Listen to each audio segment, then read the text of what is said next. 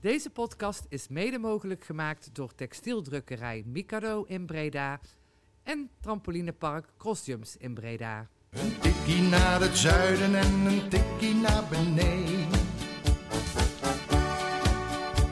Daar wonen al mijn vrienden en daar voetbalt NAC. Laat nu de klok maar luiden, er is toch niks aan te doen. De B-side staat in vlammen en NAC wordt kampioen. Welkom luisteraars bij de 38e aflevering van een Tikkie naar het Zuiden podcast. De podcast van Bizet Reds over NAC. Eh, ik zit hier aan tafel met eh, Thijs, oftewel Das Fantoom. Goedenavond. Goedenavond. En eh Levine, beter bekend als Dapoop. Goedenavond. En eh, we hebben ook weer een gast in ons midden en dat is eh, de voorzitter van de clubraad, Jeroen van der Haar. Ja, goedenavond. Welkom. We gaan het straks uitgebreid over eh, jouw werkzaamheden bij de clubraad hebben en de clubraad in het algemeen. Maar we beginnen uiteraard ook gewoon over, eh, want we hebben het over NAC, dus we praten over NAC. En eh, dan kom je al heel snel uit bij de wedstrijd van afgelopen vrijdag eh, tegen Jong Ajax. Eh, kunnen we weer tevreden terugkijken, Thijs?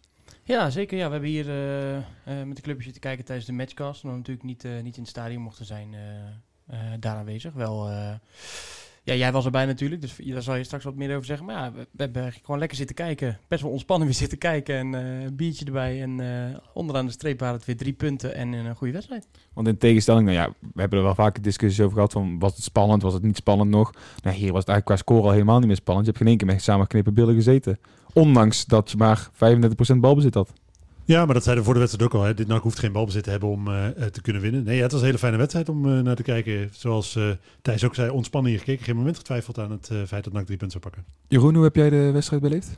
Nou, ik moest op mijn schermpje meekijken, mijn vriendin wilde per se niet kijken. En, eh, eerst jaagde ze nog heel blij dat ik niet naar het voetbal mocht, maar toen ik thuis was en mee mocht kijken, toen was ze wat minder blij. Maar ik heb uiteindelijk heel ontspannen op een tweede scherm zitten kijken en eh, me eigenlijk geen moment zorgen gemaakt dat we deze wedstrijd zouden gaan winnen. Jouw vriendin heeft thuis de afstandsbediening. Helaas wel, ja. ja. Touwtjes in handen vooral.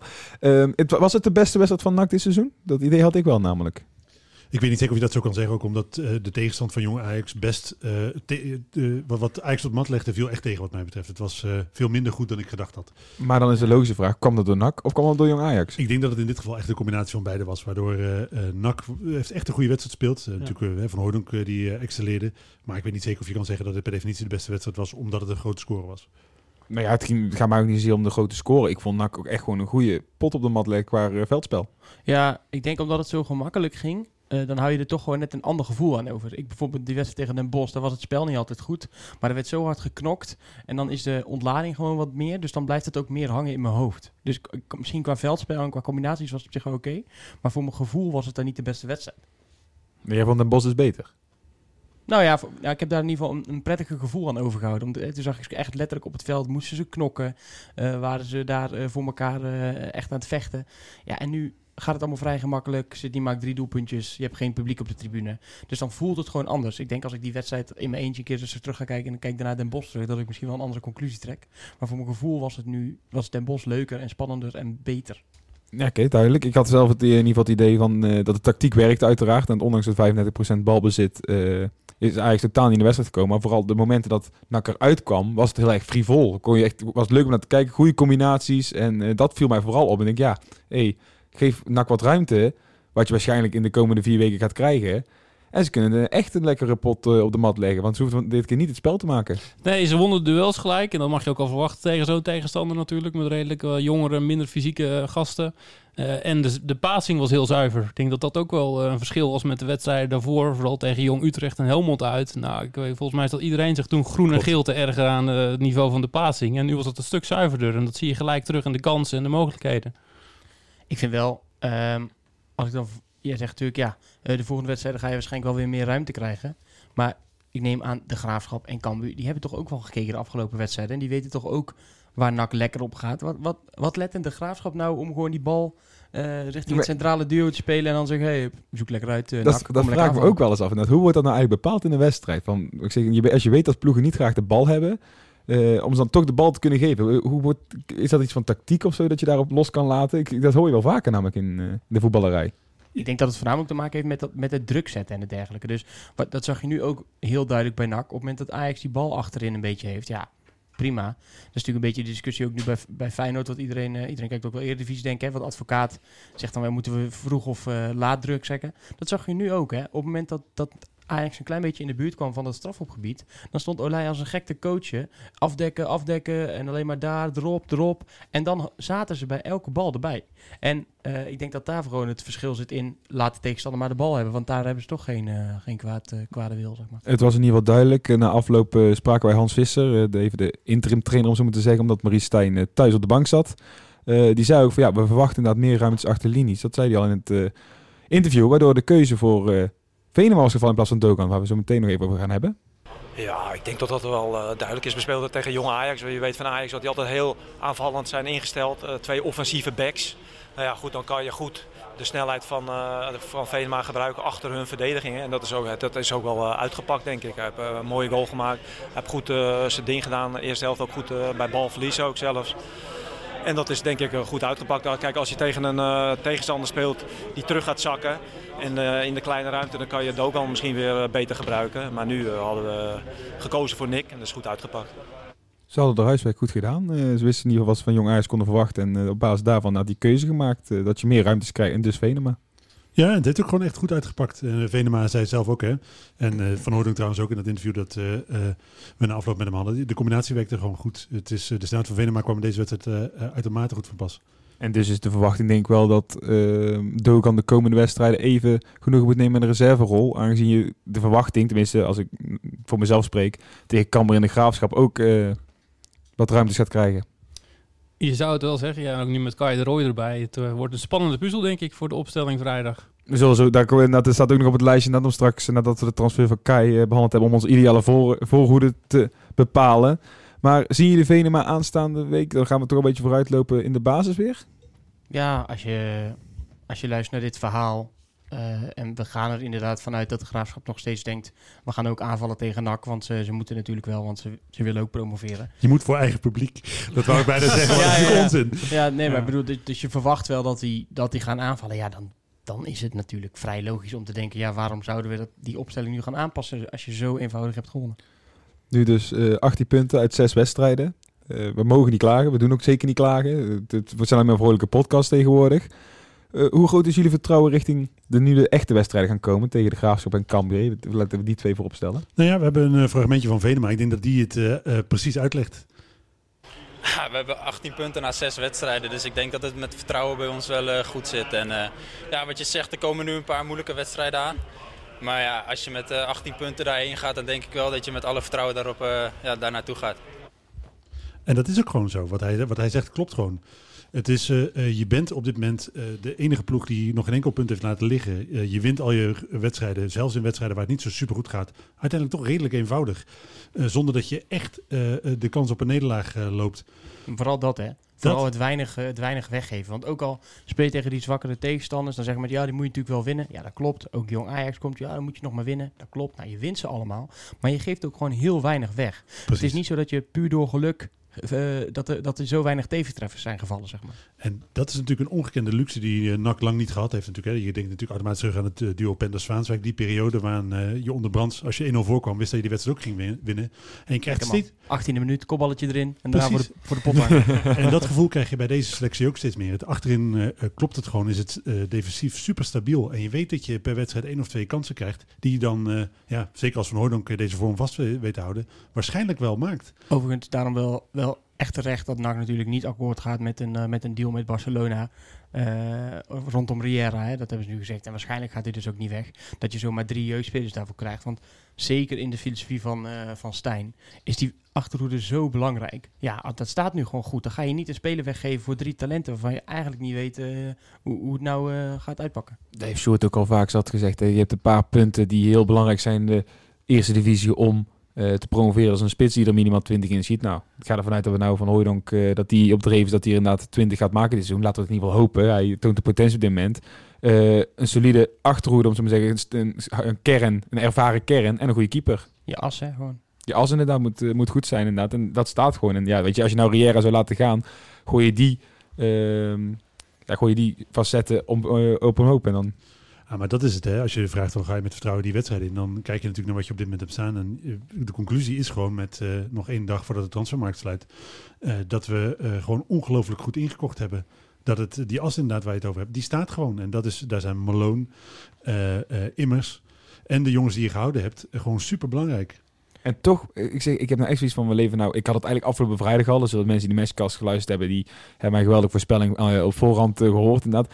Toch heb ik al zo gevoel, we gaan een keer verliezen. Alleen, ja, wanneer? Ja, we, gaan, we, nou, precies, we gaan ook echt wel een keer verliezen. Ja, hoor. dat Daar kan je wel van op aan. Inmiddels heb ik natuurlijk wel eh, gezegd in de eh, matchcast dat, en eh, ook vorige week, we ongeslagen kampioen. Ik ga daar steeds meer, eh, ik, heb, ik ga daar steeds meer in geloven. maar even, maar die, je zit er niet met een big smile, maar meen je dat serieus? Of is dat echt eigenlijk gewoon... Nee. Nee, natuurlijk niet. Je- Nee. Je, gaat eh, de komende drie wedstrijden tegen eh, de Graafschap, Cambuur en Almere. Normaal gesproken ga je er daar eentje, één van verliezen. Welke van de drie weet ik niet precies. Maar het is helemaal niet gek als je zes punten uit die drie wedstrijden haalt. Ehm, dus je gaat echt nog een keer ergens tegen een nederlaag aanlopen. Ook tegen een tegenstander waarschijnlijk waar je het helemaal niet verwacht. Telstar uit, ik noem iets.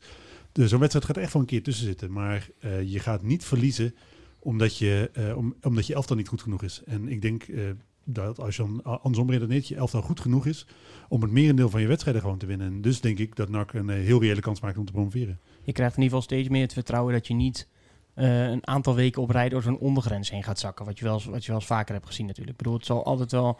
eh, Tom Haaien was een van de spelers waar we het een beetje over hadden voor afgelopen weekend. Omdat hij zo heel goed heeft gespeeld eigenlijk de weken daarvoor. En die dan nu, vonden wij, net iets minder speelt. Valt dat gelijk op. Maar dat vind ik eigenlijk bij iedereen. Ik vind iedereen... Ja, eh, ze hadden wel allemaal gewoon redelijk niveau. En, en daarom is de vergelijking met vorig jaar. Want dat zijn natuurlijk ook een aantal mensen die dat zeggen van... Goh, vorig jaar pakte je ook de eerste periode. Won je ook een hele hoop wedstrijden. Maar die vergelijking gaat gewoon niet helemaal op. Omdat het elftal eh, van dit seizoen... gewoon in alle opzichten stabieler en beter oogt dan dat elftal. En vorig jaar had je na zes wedstrijden, volgens mij, even, doe ik het even uit het koppie, al verloren van Volendam en gelijk gespeeld thuis tegen Jong Utrecht. Dus dat zijn toch alweer vijf punten die je toen ook al misliep. En ja, je pakt uiteindelijk nog wel de eerste periode. Logisch. Heel veel mazzel. Ja, misschien ook wel dat er een mazzeltje bij zat inderdaad. Dat je met Filipovic toen eh, bij Os eh, scoorde en dat eh Cambuur NEC onverwacht thuis. punten liet liggen. Ja, dat wil ik zeggen. Er zat er wat mazzel in. Maar eh, ja, nee, daarom... Het, alle facetten dit seizoen eh, lijken erop dat NAC gaat promoveren. En de Maar concurrentie laten ze wel liggen. Hè? Het is eigenlijk omgekeerd nu. Ook NAC is heel stabiel. En de concurrentie die, eh, Ja, wel, die zakt wel door die ondergrens heen. Hè? De graafschap Ja. komen er misschien zo nog op. Maar die zakken wel door die ondergrens heen. En die kunnen ook niet dat verdedigende voetbal spelen. Dus die gaan toch valbelaan spelen. Want, want kun jij je voorstellen dat eh, dit NAC tegen zo'n uitslag als die 7-3 aan gaat lopen? Dat, dat, ik, dat, ik zie dat gewoon echt niet gebeuren. Nee. Ik, denk, ik denk eerder dat, er dan, eh, dat, er dan, dat we dan drie rode kaarten hebben in zo'n Ja, veel wedstrijd. Dat er een paar neer, eh, een paar neer worden, worden getrapt, zeg maar. En dat Ja. gewoon de pot dicht gaat. Weet je, als je op een gegeven moment een keer 3-0 achter staat of zo bij, eh bij Jong AZ, dat je dan, eh, dat je dan niet denkt... eh, joh, eh, we gaan eens even lekker aanvallen nog. Moeten we het nog even hebben over... Ja, we hebben vorige week een eh, podcast van 1 uur en 45 minuten gehad... waarin eh, werd bespro- onder andere werd besproken dat er een wedstrijd zonder publiek gespeeld gaan worden. Ja, ik wil ik, even een klein ding, want ik las dat vandaag wel in, eh in BN Stem, of gisteren misschien. Maar dat artikel met, met Maurice Stijn, dat vind ik dan toch wel... Dat was vanmorgen volgens mij. Vanmorgen, ja. Dan zit ik dat te lezen en ik vind Maurice Stijn komt altijd zo over zo'n rustige vent die al alles wel een beetje onder controle heeft. Maar zo'n man zit nu wel gewoon echt in onzekerheid thuis. Dat vond ik dan, vond ik dan wel bijzonder om te lezen. Want hij zegt dan ja, eh, iemand in het gezin heeft dan, eh, is dan positief, eh, positief getest, zegt hij. En we zitten hier maar. En ja, daar had ik ook blijvende schade over. En als ik dan toch dat soort dingen lees, en je leest natuurlijk nu weer iets meer, omdat het weer aan het opleven is, denk ik ja. Oh ja, het is, het is toch wel een tijd waar we in leven. Hè? Het, is, het, is, het, ja, het kan niet allemaal zeg maar, alleen maar om voetbal draaien, laat ik het zo zeggen. Ah, maar dat maakt het contrast natuurlijk ook zo groot. Hè? Je bent natuurlijk eh, op dit moment, eh, euforisch is een groot woord, maar het scheelt niet heel veel over hoe NAC op dit moment pres- presteert. En aan de andere kant is het super deprimerend dat je daar zelf geen onderdeel van uit mag maken. En dat er om je heen allerlei mensen doodgaan. Dat contrast is natuurlijk gigantisch. Mm, Maar ja, we hebben vorige week er al veel over gehad inderdaad. Misschien alleen Jeroen zijn mening daar nog even over vragen. Jij het logisch dat er dan zonder publiek gespeeld wordt? Pff, Ik kan er van alles van vinden, maar ik ben er geen kenner of expert. En ik vind het heel jammer. En eh, aan de ene kant denk en toe ook wel eens misschien verlicht het, het huidige NAC wel dat ze niet die druk hebben van een vol stadion. Ik weet niet of jullie die theorie al een keer losgelaten hebben, maar het spelen zonder publiek kan voor sommige spelers en clubs ook nog wel eens een voordeel zijn. Nou heb ik niet het idee dat deze selectie daar helemaal, dat- die daar helemaal geen last van hebben. Die zouden juist het alleen maar fijn vinden met ik het denk publiek. ook als je die gasten allemaal spreekt en zo. En ik, dit zijn ook wel redelijke jongens die volgens mij best wel onder, een beetje tegen druk kunnen. Die zich Dat. niet heel snel eh, van de wijs laten brengen met een haaien en een immers. En, eh, Ja, dat klopt wel. Maar toch, als het even tegen gaat zitten, dan niet gelijk dat, eh dat morrende publiek ook een uit te strijden uit naar de, de graafschap zonder publiek is toch even anders dan dat daar man. 10.000 superboeren zitten. Want de graafschap uit is traditioneel echt gewoon echt Ja. lastig. Ja. Daar heeft het weer zijn voordeel, kun je zeggen. Maar ja, dan kan je een week later kan je weer Cambuur thuis en dan heb jij weer geen publiek. Nee, Dus maar ik het is zit veel liever in het stadion. Laat dat wel voorop stellen, natuurlijk. En eh, alle gekke berichten van de laatste weken. Laten we hopen dat we dit jaar, dit kalenderjaar, nog in een stadion komen. Maar eh, ik heb er een hard één hoofd in. Eén ding nog over zeggen. En eh, het is nu al om, omgedraaid gelukkig hoor. Maar dan, dan, ik vind op zich prima dat we nu zonder publiek spelen. En je kan het ook echt allemaal niet meer met elkaar vergelijken. Maar als ik dan op zondag hoor dat er drie keer een kerkdienst wordt gegeven in Stapport voor 600 mensen. Dan denk ik, nou, dat is Ja, een beetje raar. ja, dat zijn, dus, weet je, dat, dat kun je het, is nu, het is nu weer teruggedraaid. hè? Klopt, maar dan vind ik wel weer krom uitspreken. En ik gun de mensen die naar het theater gaan, gun ik ook door plezier en alles. En eh, maar ja, gun ons dan ook de plezier eh, in het voetbalstadion. Want in theater mag je wel ineens met, wat is het, voor Manchester Zeeveld zelfs een zaal met 1200 man mag je, mag je er gaan zitten op anderhalve meter. Ik eh, denk dat we deze discussie... Nee, we gaan ook weer door. Maar Ja, ik, dacht, ik, dacht, ik dacht alleen maar, nou... Maar in ieder geval, ja, als ik mijn eigen ervaringen dan nog eh erover kwijt wil, inderdaad, van, ik was er afgelopen vrijdag eh, als een van de weinigen. Ik denk dat we met tien man op de perstribune zaten en onder onze tribune zaten een paar beleidsbepalers. In ieder geval, ik heb Manders gezien en eh, nog wel mensen die ik niet ken, maar ja, die zullen misschien ook vanuit Ajax mee zijn gekomen. Ja, ik kwam om vijf over acht kwam ik eh, de tribune op en dat filmpje heb ik ook geplaatst op de Twitter. Er staat een radio aan, Radio 538 was het. En eh er kwam wat techno uit en het was echt... Het, wa- rillingen gingen over je lijf. Ah, ik echt helemaal niks. Ja, uiteindelijk heb jij geen pillen meer geslikt en heb je ook niet gestrik, gestrikt. Dat, dat viel ons toch best wel tegen, moet ik eerlijk zeggen. Niet eens geroepen, hè? Niet eens een Nee, stem op. ik had zo gehoopt dat we dit lekker in de mestkast konden houden. Dat dit de podcast gewoon weer serieus kon. Nee, maar daar ook Matthijs terecht opmerkt. Je hebt helemaal niet meer geroepen dat mensen moesten stemmen en dergelijke. Ja, maar dan heb ik daar nog alle tijd voor. Ah, Oké, nou, dat zal wel dan. Nee, maar het, was- het, het, het is echt het is heel kaal. En uiteindelijk was, vond, ik het wel prima om erbij te zijn. Ik vind gewoon, je ziet de wedstrijd al net wat beter en zo. Dus ik vond het, het, was niet erg. En En ook qua ervaring is het natuurlijk qua ervaring is, inderdaad, is het echt iets. Maar Ik las gelukkig op, eh, eh, op Twitter, eh, uiteindelijk bij, eh, bij Gijs, die natuurlijk vorige week zat, dat ze wel het clublied en dergelijke hadden willen draaien, maar dat er een, een technisch probleem was. Ik dacht, is, dit is toch, kan toch niet dat dit de nieuwe standaard is? Dat je gewoon iemand zegt, oh, dit schuif je maar open voor maar, 538. maar Annie was er ook niet. Nee, ja, ja, wat, ja. Terwijl ik nou, maar ik zat toevallig dan eh, de eerste paar ja. minuten van Excelsior te kijken. En daar was wel een... Ik eh, wou zeggen dat daar staat Annie, dat je dat ging zeggen. Ja, maar Annie- dan, vinden, jullie dat, zou- vinden jullie dat Annie dan daar nog de opstelling en dergelijke moet doen? Of, of volstaat het clublied? die zit, vind ik het... nee, maar die zit ook daar eh, afgesloten in zo'n hockey. Daar loopt ook niemand gevaar mee. Of zo. Nee, dat Nee, bedoel maar ik. je wil het Ik- hart er niet aan meer- doen. Dat, Dat eh, bedoel ik meer. Vind je, dat, vind je het nodig voor de beleving? Nou, of voor haar? Of Net voor de bij club? Dat je Juventus dat, gisteren. Dat je net doet alsof er gevoetbald gaat ja, worden. maar dat, het wel daar zaten nog wat eh, juridische Ja, ja, regels onder. Nee, joh, laat Annie lekker thuis en zet Dat wel clublied aan. exact. dan, eh, dat gaat ook gebeuren. Dat heeft Gijs al bevestigd. Maar in ieder geval wat je gewoon merkt, nou, nou was zonder publiek. En dan merk je eigenlijk al van hoe stom het was afgelopen weken met 3000 man ongeveer. Merk je al wat voor verschil dat maakt, 3000 man. En hoeveel leuker het voetbal dat al eigenlijk al maakt. Ook al is het anderhalve meter. Op een gegeven moment kwam, eh, zaten we hier te kijken naar die matchcast. En toen begon het keihard te regenen. En toen was één iemand met een oranje hesje, een steward. Die was zo'n eh, spandoek recht aan het hangen. Wat Ja. een beetje was omgewaaid. En toen dacht ik, dit is zo treurig. Het was terug, terug. Eh, dus we gaan van terug nieuws naar heel goed nieuws. Want eh, Hey. om de zondag gisteravond goed af te sluiten, kwam, was daar eindelijk onze grote vriend Kei de Roy. Ja, ik denk dat er geen enkele NAC-supporter is die baalt van deze aankoop. Het is eh, eh, een, eh, een goede aankoop die NAC echt versterkt. Want voorin hadden we nog wat... probleem is een heel groot woord, maar er was in ieder geval wel wat creativiteit op de vleugels gewenst.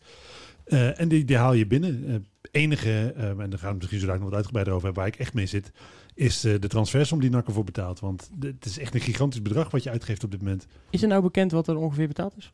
En je leest bedragen van om en nabij een half miljoen. Nou, het was wat ik gelezen heb, ja, is drie tot vier ton dat ze nu betalen inderdaad. En dan uiteindelijk nog een promotiebonus en een doorverkoopclausule. Dus gewoon heel veel geld. Ja, uiteindelijk gaat dat inderdaad vanuit gaan dat we Kai straks met eh, winst eh, verkopen. Ga, eh, gaat daar weer wat vanaf. Is dat eigenlijk ook nog een soort deel van de transfersom. Dus inderdaad wel heel veel geld. Maar inderdaad, voordat we die discussie aangaan daarover. ehm, we hadden Kai vanmorgen, vanmiddag voor de camera. En hij legt even uit waarom hij voor NAC gekozen heeft. Ehm, ja, ze waren er dus als allereerste bij met eh, veel vertrouwen en ze hebben, zijn er al de tijd, alle, heel de tijd nog steeds eh, bij geweest, zeg maar. Dus zoals ik al zei, spraken ze veel vertrouwen uit en ik denk dat dit gewoon eh, een goede vervolgstap is, zeg maar. Dus daarom. Ik had het er met vrienden- ja. Ik had het er met vrienden al over. Het is wel eens vaker dat voetballers niet zoveel zeggen. Maar deze jongen zegt eigenlijk niet zoveel in al zijn interviews niet, hè? Ik had ook meelijden met Thijs. Hij is 19. Nee, dat is ook zo, maar dan, dan, is het, dat, dan worden we wel eens ten op de feiten gedrukt. Denk ik, ja, wat staan, staan we daar nou weer te doen? Want we kunnen het van tevoren zelf invullen. Die jongen heeft in ieder geval... Bij Eindhoven hadden ze waarschijnlijk geen budget voor mediatraining. Nee, dat denk ik ook niet. Maar het was, het was bijna zielig voor de, wat Thijs, wat Thijs probeerde echt iets Ja. van een leuke quote eruit te halen of zo. En eh, ja, uiteindelijk ging hij dan aan het einde nog vragen inderdaad van wat voor type speler die was. Eh voor mij hebben die ook eronder Ja, zitten, hè? ja, ik zal hem er gelijk ingooien. Goeie. Ehm, ik ben een aanvallende speler. Op 10 of 11 eh, speel ik meestal. En gewoon eh, ja, vanuit daar eh, proberen aan de bal te komen en eh, iets te creëren, zeg maar. Nou, dit was wel de samenvatting van het interview Ja, volgens mij. ja. Meer was het ook echt Maar als je dit nou echt terugluistert. Ja, ik ben wel een afvallende speler en ik wil vooral de bal. En dan, ja, dan probeer ik dan wel eigenlijk probeer ik daar wel iets mee te doen ook. Dat probeer ik dan wel. Ja. Maar het lag ook echt niet aan Thijs. Want eh, ik heb daarna met Dwayne de Stem even ook zo'n interview gekeken. Ja, dat was, was precies Ja, hetzelfde Nee, nee, want ik denk als, als iemand jou de vraag stelt waarom heb je voor NAC gekozen, dan ligt er zeg maar een wereld aan clichés voor je open. dat is echt pick and choose. Je hebt daar allerlei mogelijkheden. Eh, grote club, mooi publiek, eh, fijne stad. Je kan daar, weet je, eh, een bingo kaart kun je invullen. En dan het enige wat hij zegt, en wat op zich wel, hij geeft wel een eerlijk antwoord. Hij zegt, ja, ze waren er vanaf het begin af aan bij en hebben vertrouwen in me getoond. Op zich zijn er natuurlijk hele, hele valide redenen om voor een club te kiezen. Maar eh, je had daar iets meer mee kunnen doen eh, als uh, Kai de Roy zijnde. En verder maakt hij op mij wel gewoon een hele rustige... Het is gewoon een rustige jongen Het die goed kan voetballen. sympathieke jongen. Gewoon. En, en ik denk dat, dat dat is ook wel eens lekker. Dat je gewoon iemand hebt denk je, nou, een beetje, beetje saai gast misschien, maar hij gaat wel lekker voetballen en eh, misschien uh, schiet er wel in. Toch als je het dan probeert te ontleden, want ja, je probeert dan toch van eh, niets iets te maken. Dan is het natuurlijk wel het feit wat wel in dit geval voor eh NAC spreekt. Eh, is het feit dat ze gewoon niet opgegeven hebben. Dat ze inderdaad vanaf het begin af aan eh, eh, aan hem duidelijk hebben laten blijken dat hij niet zomaar een speler was in wie ze interesse hadden. Maar dat ze echt alles op alles wilden zetten om hem binnen te halen. En de- andersom ook, hè? precies, en dat heeft die jongen blijkbaar wel echt over de streep getrokken. En dat gevoel had ik ook wel. Want net als je de interviews met, eh, die had Sven met Maurice Stijn, die zei ook van, ja, ik ben vaak keer als winnaar eh, uit de bus gekomen in dit soort strijdjes dan eh, als verliezer. En joh, eigenlijk had ik, tenminste, het was voor mij het gevoel, heb ik nooit het moment gedacht dat hij niet meer zou komen. En als je dan terugdenkt aan wat Dion Malone zei, eh, die zei ook, Stijn is me blijven bellen. Die heeft me echt helemaal gek gemaakt. En eh de Roy zegt nu eigenlijk hetzelfde. Ze hebben weer, eh, ze hebben zich vastgebeten, niet opgegeven. En op zich is dat wel iets waar je als NAC-supporter wat vertrouwen uit kunt halen. Ja, en voor mij waren ze stiekem al een persoonlijk akkoord met eh Kite, wat het officieel nog niet mocht, hè? Ik vond, wel, eh, ik vond ook wel grappig dat, eh, dit, dat dit vrijdag ook al rond was, hè? Want eh, ze hebben, als je het eh, aankondigingsfilmpje zag, Ja. dan zie je zo in beeld zie je heel groot. eh, Vrijdag. Vrijdag, eh, het is het 1 of zo? Twee. Vrijdag 2, eh, 2 oktober stond daar in het filmpje. Dus eh, ja, dan Ja, jeugdspeler moest van wel- op de achtergrond. Moest ik wel weer om lachen. Ja, dan denk ik, oh ja, ja zo werkt dat dus. Maar eh, ja, we hadden het er net al even over. Eh, het is een flinke bak geld inderdaad. En eh, je neemt wel een risicootje mee misschien. Ja, tenminste, ik neem aan dat... Ik hoop het niet, laat ik het zo zeggen. Maar jij hebt er wel een duidelijke mening over volgens mij. Ja, ik heb er zeker een duidelijke mening over. Het is natuurlijk, hè, we hebben er ook die discussie eh, eh, afgelopen eh, weekend in de matchcast gehad. En volgens mij was het Chris die opmerkte van ja, NAC heeft ongeveer 3,3 miljoen euro wellicht wel binnengehaald met alle transfers die deze zomer plaatsgevonden hebben. En dan is een bedrag van 500.000 euro waarschijnlijk om en nabij. Hè. Dat kan iets meer, dat kan iets minder zijn voor een talentvolle speler die waarschijnlijk meer geld gaat worden. Is op zich wel te verkopen. Maar daar staat wel tegenover dat dit geen normale zomer is. Het is wel een zomer waarin, ja goed, nu blijkt ook weer hoe eh, snel je zonder publiek kan eh, spelen. Hoe snel eh, je inkomsten weer onder druk komen, kunnen komen staan op allerlei vlakken. En dan voelt van de buitenkant, omdat het blijft voor mij onduidelijk en wellicht dat Jeroen daar meer inzicht in heeft. De financiële situatie van NAC blijft voor mij onduidelijk, blijft diffuus. Het blijft niet helemaal helder wat er nou wel en wat er nou niet mogelijk is. En wat er nou wel en wat er nou niet aan inkomsten gemist wordt. Dan is 500.000 euro gewoon echt een hele grote investering in een onzekere tijd. Ja, ik denk dat je daar eh, ook wel een terechte punt hebt. We hebben over eh, twee, drie weken de volgende clubraadvergadering. En daar zit onze controller van NAC bij ons aan tafel. Dus dan hebben we ook de gelegenheid om de vragen te stellen over het jaarverslag. En terug te kijken en ook vooruit te kijken. Dus dit zijn ook de vragen die wij daar in mee gaan nemen in dat gesprek. En eh, alle input van supporters wat je wil weten, dat kunnen wij ook gebruiken om daar op tafel te leggen natuurlijk. Dus die vragen die moeten vooral ook ingestuurd worden en gesteld worden. Dan nemen wij ze mee, want we kunnen ze niet allemaal zelf bedenken. Heel, heel simpel om dat gelijk even te benoemen. Hoe, ga- hoe eh, kunnen mensen dat doen? Stel dat ze nu zitten te luisteren, denk ik, wil ook wel iets weten van, eh, van de financiële man. Eh, of een mailtje sturen naar clubraad.nak.nl of even een mailtje naar een van de clubraadleden als je iemand kent. Of even via Twitter een berichtje, een DM'tje. Het kan op allerlei manieren. Als je een nummer hebt van iemand van de clubraadleden, stuur een WhatsAppje. Maakt niet uit hoe. Er zijn meerdere wegen om ons te bereiken. Dat, als je even je best doet, dan vind je ons. Maar als je dan gaat kijken, hè, want je hebt, neem ik aan, ehm, uit de contacten die je met NAC hebt, wel een redelijk beeld bij wat de financiële situatie van NAC is. Eh, zonder dat je dan nu de exacte, want de jaarstijd voor, geloof ik, binnen twee, drie weken gepresenteerd. Ja, ja, dat is volgens mij wel de planning, ja. Klopt. Eh, wa- wat, is, wat is jouw beeld dan van zo'n investering als eh, die nu gedaan wordt? Nou, ik sluit wel bij jou aan in deze tijden. Hè. Vooral omdat het nu in de coronatijd heel onzeker is, is het wel een flink bedrag. Als je zeg maar in een reguliere eh, seizoen had gezeten, was het volgens mij een hele normale investering geweest. Je moet heel even je microfoon duiken, anders, oké. eh, anders horen mensen thuis je niet. Irriteer ik mezelf ook altijd aan als ik iemand niet kan horen. nee, maar ja, ik denk eh, wat jullie net terecht al zeiden. Er is best veel geld opgehaald. En eh, volgens mij staan we er als NAC zijn er gewoon hartstikke goed voor. Een paar jaar geleden kwam er nog wel eens van die nieuwsberichtjes dat de NAC weer eh, in financiële malaise zat of in categorie 2 of in 3 was ingedeeld. Eh, maar nu, nu hoor je dat soort berichten helemaal niet. En volgens mij is er geen enkele aanleiding om te twijfelen aan de signalen die vanuit NAC komen. En die worden ook in het jaarverslag volgens mij bevestigd met een klein plusje in een coronajaar. Ehm, dus het is volgens mij zaak nu eh, ook de opdracht die Matthijs heeft gekregen om zijn eigen broek op te houden en niet zijn hand op te houden bij de aandeelhouders. En ik, ja, de keren dat ik hem zie en spreek, zie ik alleen maar echt een nuchtere man die gewoon eh, geen gekke dingen doet. En ik denk dat die zo'n keuze om een Kai de Roy te halen, ja, dat, daar zal vast met een heel groot eh, team naar gekeken zijn om deze keuze te maken. Die is niet over één nacht ijs gemaakt. Dus ik denk dat er echt heel veel vertrouwen is in Kai de Roy, ook in zijn talenten. Eh, het blijft altijd een gokje, maar ja, goed. Als je Ja, geen gokjes toch. neemt, dan kom je ook niet verder. Kijk maar naar Heerenveen. Die gokken alleen maar en die hebben echt elke paar jaar gewoon mazzel. En daarmee is het gewoon een club waar wij alleen maar jaloers kunnen zijn qua prestaties de laatste jaren. Ik vind wel een, een, een verschil inderdaad. Dat, je, je investeert dat nu. Maar als er vandaag komt er dan, zullen we het ook nog even over hebben, zo, maar komen dan, komt het nieuws naar buiten dat Lee eh, zijn contract is ontbonden, dat Bowie weg is. Normaal denk je dan, oeh, wat geven ze die jongen mee? Maar omdat daar gelijk bijna het nieuws achteraan komt, Lee die is nu wel gepresenteerd bij Aberdeen, Bowie die schijnt al een club te hebben, dan gaat dat vaak toch met gesloten beurs. Ja? Omdat zo'n jongen kan dan weer meer salaris bij die andere club opstrijken. Eh, dus dat vind ik dan wel ook weer positief.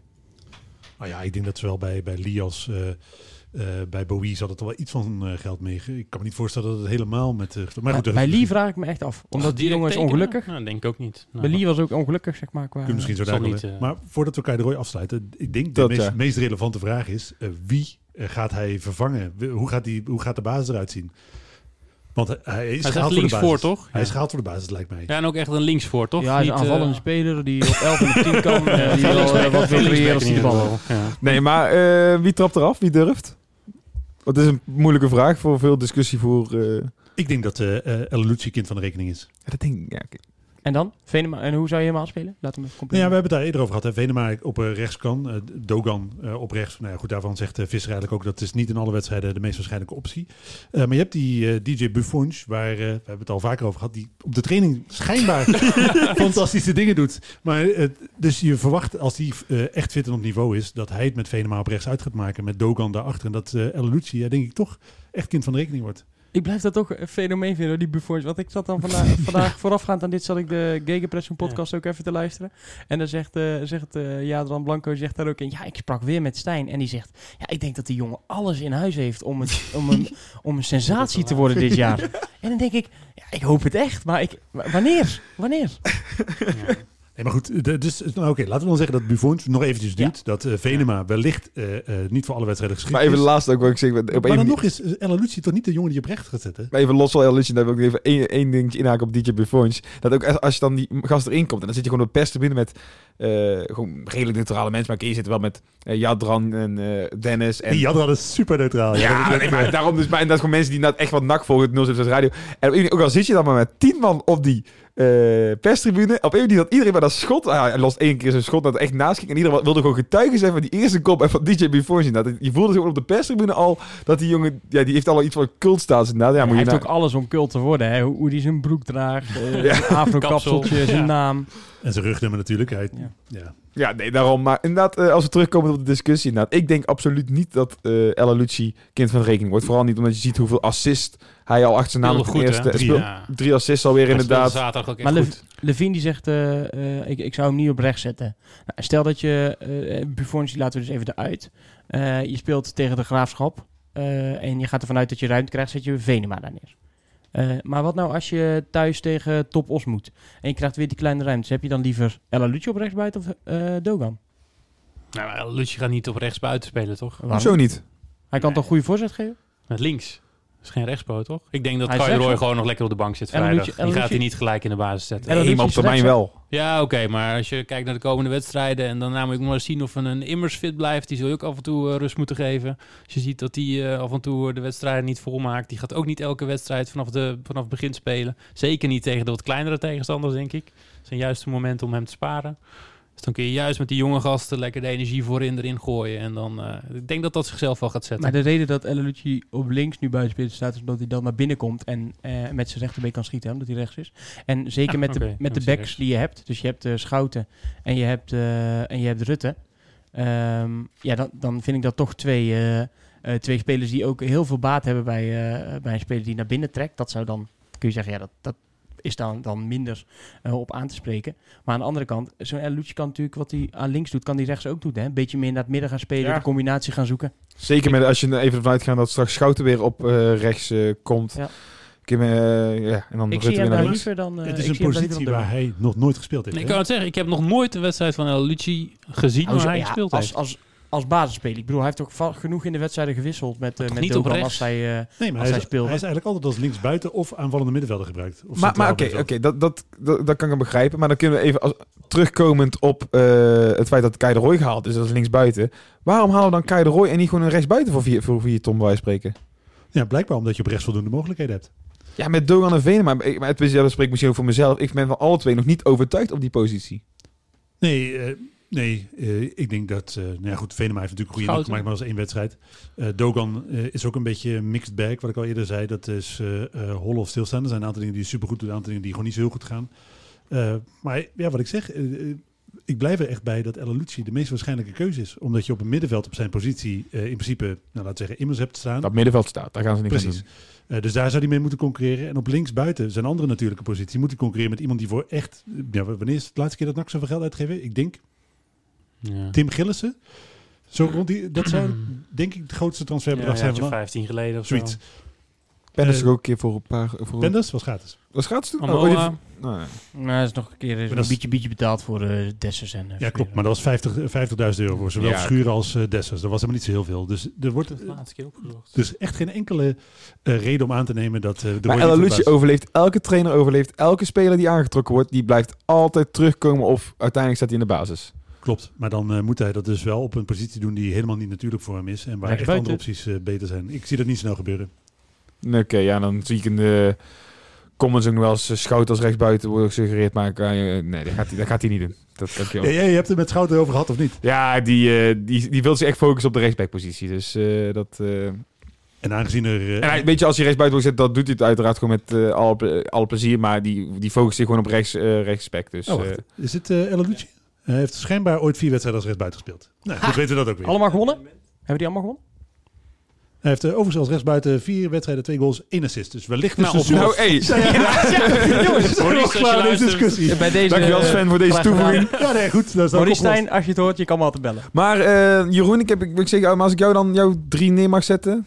Voorin? Ja? Hele Lucci op rechts. Ja, Lucci op rechts. ja nou ja. Ik heb net gehoord dat eh Lucci goed kan. Nee, eh, ja, weet je, De Roy, eh, Sydney en ik denk toch... eh, ik denk toch Ella Lucci. Ik denk dat is toch wel echt de ideale man die... eh, ze weet- misschien kan De Roy ook wel gewoon vanaf rechts en dan naar binnen komen naar links. Wat Ella Lucci ook op links doet. Eh, pff, ik, ik denk dat die drie het uiteindelijk wel eh, moeten gaan worden, ja. En dan Venema als supersub.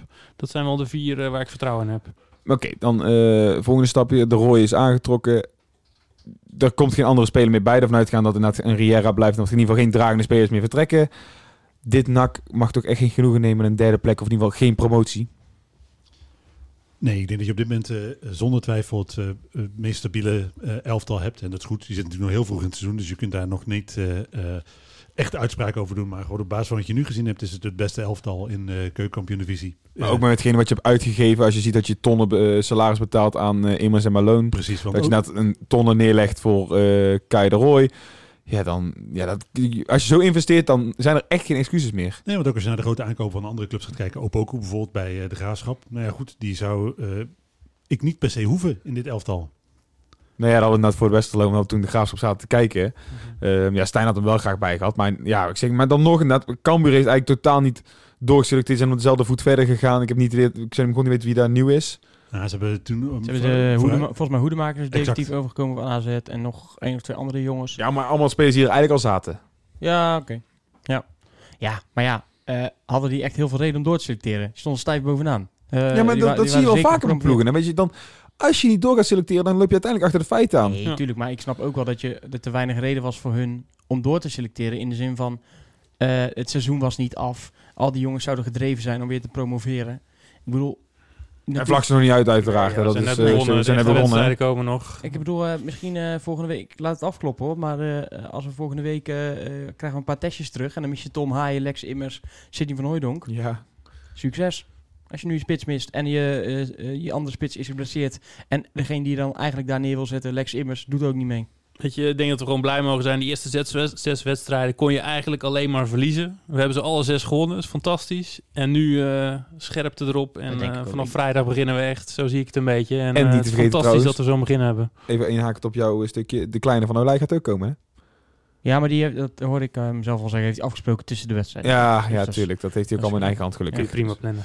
Maar inderdaad, we zijn wel over eens. Dit elftal moet gewoon Nee, promoveren. en ik denk dat NAC niet. zegt natuurlijk zelf nu ook al van... eh, we willen voor promotie gaan, maakt niet uit welke weg, maar promotie. Maar ik denk als we die wedst- komende wedstrijden goed doorkomen...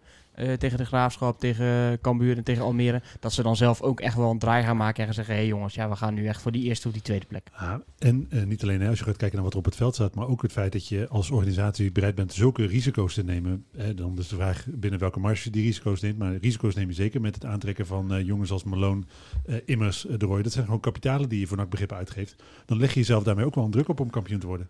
Ja, dat, dat vind ik dus ook Of in inderdaad. ieder Er geval, laten we zeggen, in ieder geval bij de bovenste Dus twee er zijn geen excuses meer. En eh, vorig jaar had je inderdaad nog eh, excuses van dat het binnen twee jaar moest en duurzaam. En nou, ik weet niet welke termen er allemaal voorbij zijn gekomen.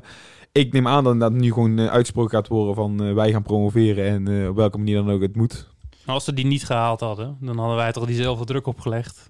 Wij wilden toch promoveren, we moeten toch promoveren. We kunnen toch niet nog een derde jaar in de. KKD. Het, het ligt heel erg aan het perspectief wat je schetst. Want eh, als je eh, had gezegd, hè, jongens, we gaan nu eh, eerst een stabiel fundament leg- leggen. We gaan eh, kijken hoe we ook op deze eh, op dit Had je dat nog een keer geaccepteerd? Dat we nog een keer een fundament zouden gaan leggen? Dat is natuurlijk, hè, wat je ook, eh, je hebt het, eh, zelf dat gesprek met die aandeelhouders gehad. Er moet Mhm. nu rust, eh, stabiliteit en eh, allemaal van dat soort termen komen. Daarvoor is denk ik vereist dat het fundament op orde is. Eh, dus op het moment dat je daar, als je daar een goed verhaal bij had gehad, was het denk ik, hoe moeilijk ook, te accepteren geweest. Eh, maar je hebt nu zelf eh, dat eigenlijk dat, dat gesprek onmogelijk gemaakt door zo hard te investeren. Eh, je eh, neemt alle eh, ruimte voor jezelf weg Ja, om, Ja. om meer tijd hieraan te spenderen. Maar dat is niet een druk die van de sports komt, maar die vanuit je eigen organisatie zelf oplegt. Ja, ja die leggen Ma- Matthijs en Maurice zichzelf ook op. Dat hoor je ook in elk interview volgens mij wat ze geven. Hoor je die ambitie en die druk die ze zichzelf opleggen. Dus dat vind ik alleen maar mooi. Want Nou, jij zegt natuurlijk nu ook van ja, had je, dat, had je dat geaccepteerd als we nu weer een fundament waren gaan liggen? Ja, ja wat dan? Ik bedoel, nu ook wat ze nu doen. Ja, we hebben daar toch ook niet echt iets, ja, iets over te zeggen, om het zo maar te zeggen. Ik bedoel, we kunnen nu wel zeggen van ja, nee, nu moeten we echt kampioen worden, want we hebben flink geïnvesteerd. Ja, als we niet hadden geïnvesteerd, hadden we dat misschien ook wel gezegd. Maar nee, dat, zal altijd de wens vanuit supporters Maar zijn. ik, ik vind het wel verfrissend dat we het niet hebben over duurzaam promoveren en al dat soort termen die we vorig jaar hoorden en alle cliché-bingo's die eh, toen geroepen werden. Natuurlijk klopte die toen ook, maar ik vind het wel fijn dat er gewoon nu recht wordt uitgesproken jongens, wij moeten gewoon promoveren en als we dat niet doen, dan gaan we een hele zware tijd tegemoet. En dan voor je het weet zink je in het moeras waar een NEC en een Roda ook al in verzonken zijn. Maar dat is wel mijn grote bezwaar tegen uh, Matthijs Manders tot op heden. Ik heb al vaker gezegd dat ik ergens tot op zekere hoogte mommers-vibes bij hem heb. Want hij uh, uh, neemt dusdanige risico's dat falen geen optie is. Want op het moment dat je met deze selectie, deze huishouding, deze uitgaven die je gedaan hebt, niet promoveert, dan heb je een veel groter probleem voor jezelf gecreëerd dan eigenlijk noodzakelijk was. En dan kun je zeggen natuurlijk, hè, niet promoveren kost ook heel veel geld.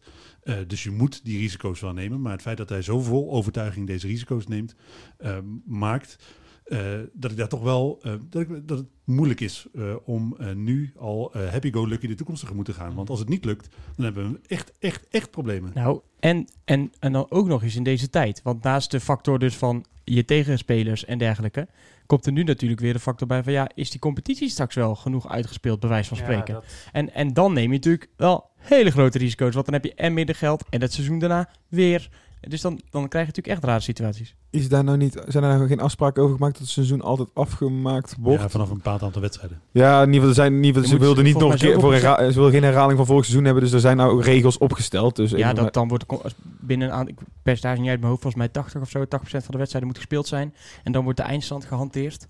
Ja, en dan, eh, dan kan je wel zeggen van, ja, eh, en anders wordt de competitie nog niet afgerond. Dat moet dan later gebeuren. Maar ja, als, ik, ik ga dat zijn allemaal lange termijn dingen. Maar stel dat het ineens een half jaar eh, echt slecht gaat en we mogen helemaal niks meer. Maar je moet wel je salaris van je spelers en dergelijke allemaal blijven betalen. En er zijn geen regelingen meer voor dadelijk. Ja, ik bedoel, er zijn natuurlijk allemaal zoveel onzekere factoren. Naast, de, naast het feit dat je normaal kan winnen of verliezen in een wedstrijd. Maar dat is het dubbele waar je, waar je non-stop eh, tussen heen en weer geslingerd wordt. Want enerzijds zeg je ook, het is super verfrissend wat je nu eh, te horen krijgt. Iemand die eindelijk gewoon echt ambitie toont. Die het ook met eh, volgens nog daden lijkt te onderbouwen. Die de, de, de goede dingen lijkt te doen. Die als supporter ook zou willen zien gebeuren. Dus dat is heel positief. Maar aan de andere kant denk ik ook, ja... Maar de historie waar wij allemaal eh, al jarenlang zoveel pijn van gehad hebben... is dat het elke keer misgaat bij NAC.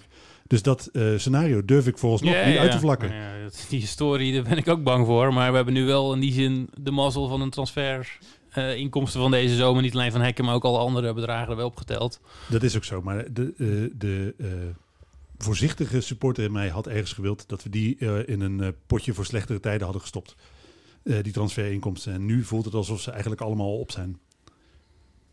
Het is eh, afwegen, het blijft weer Ja, koffiedik is- kijken. Dat, dus, daar zitten we hier ook voor eigenlijk. Dus, eh, Precies. wil ik nog even nog twee dingetjes behandelen voordat we dadelijk eh, volledig eh, bij Jeroen terecht gaan komen. Want eh, ingaand komt er niks meer bij, uitgaand eventueel nog wel. Sterker nog, vandaag zijn er twee spelers vertrokken. Lee en Bowie. Ja, Lee gaan we misschien missen om het Lee-Lee-Lee verhaal. Maar vooral Bowie gaan we niet missen, hè? Nee, ik denk het niet. Eh, ja, spijtig voor die jongen hoor, dat het niet gelukt is. Ik bedoel, ik vind dat toch altijd wel, wel sneu. Er komt zo'n jongen. Hij verdient nu genoeg Het geld. vooral zielig voor ons, hoor. Nee, nou ja, ik weet het niet. Zo'n jongen die komt hier naartoe in zijn eentje, zijn knieën in zes stukken. eh, een jaar lang blijkbaar ongelukkig op een kamer gezeten. Ja, dat, dat- ik vind dat ook wel sneu voor zo'n jongen. Ja, hij krijgt er wel geld voor. Maar ik bedoel, eh, ja, meer dan ik krijg. Maar, dat is een van de redenen die we voor de uitzending toen noemden. Hij krijgt er vanaf dit seizoen substantieel meer geld voor. Oh, oké. Hij zat in de categorie Kali eh, ondertussen, Oh, werd er gezegd. Ja, ik vind het ook goed dat hij weg, weg, eh, weg is hoor. Want eh, ja, je gaat hem niet missen, denk ik. Nou, hij heeft nog een doelpuntje gemaakt. Dan is hij in ieder geval voor altijd in de boeken hier.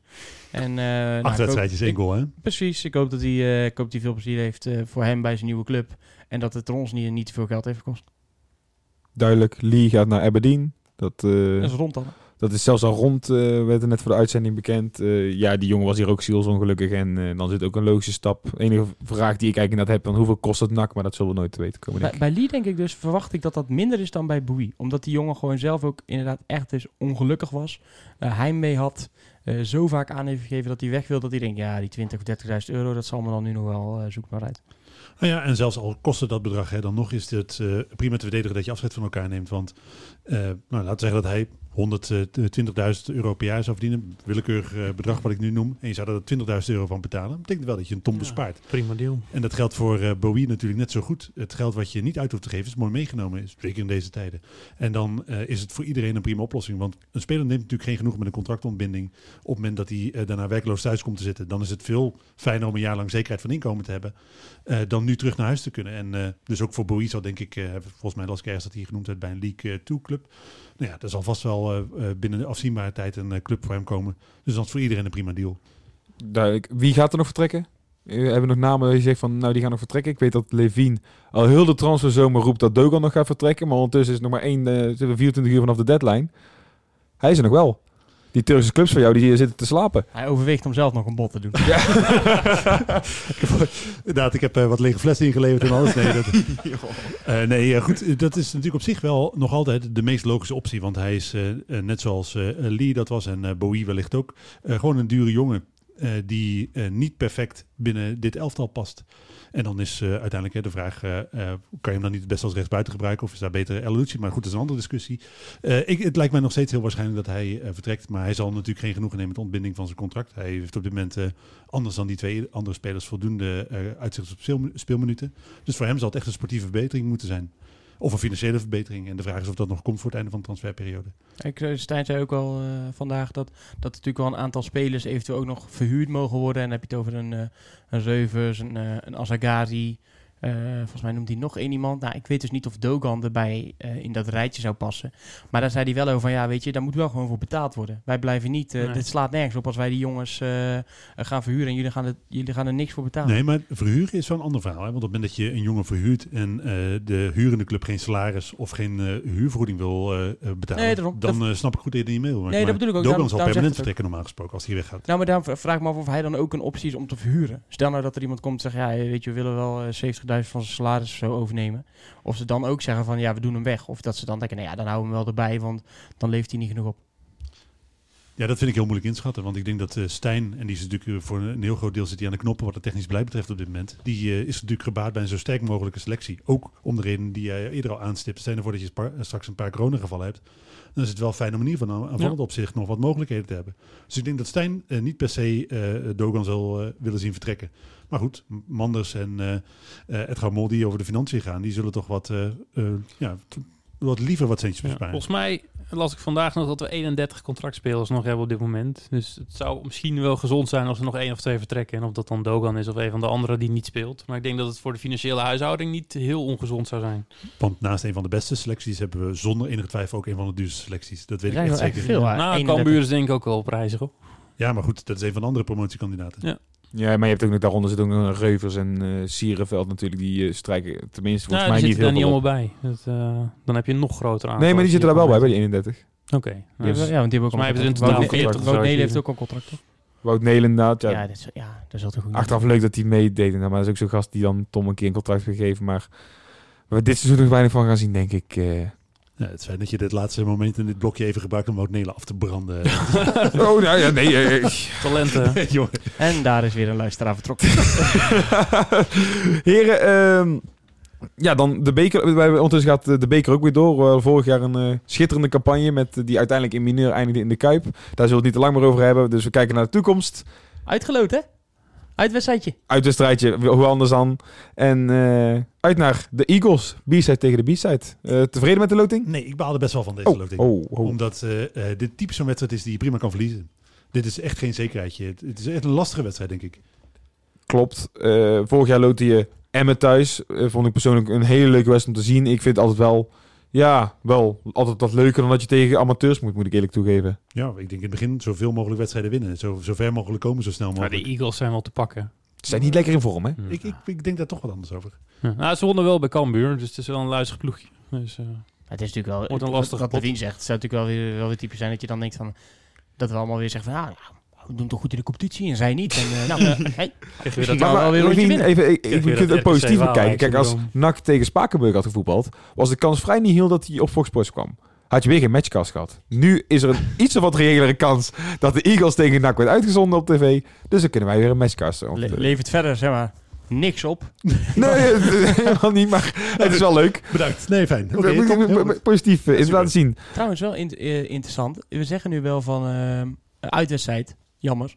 Maar eigenlijk is dat nu misschien helemaal wel niet jammer. Want je hebt nu een uitwedstrijd. Je kan spreken over uit- of thuisvoordeel. Maar misschien kost het nu alleen maar best wel veel geld om zo'n thuiswedstrijd te organiseren. Zonder publiek.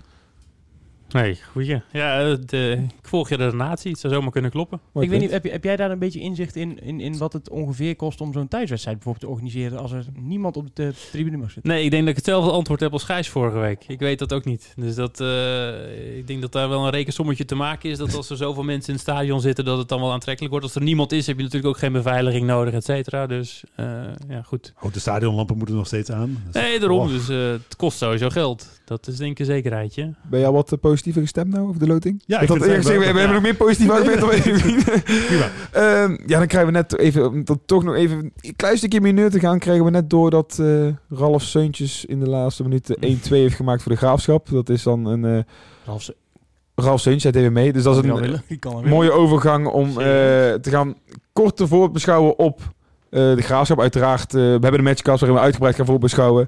Maar eh, wat u van ons gewend bent, eh, is dit deuntje.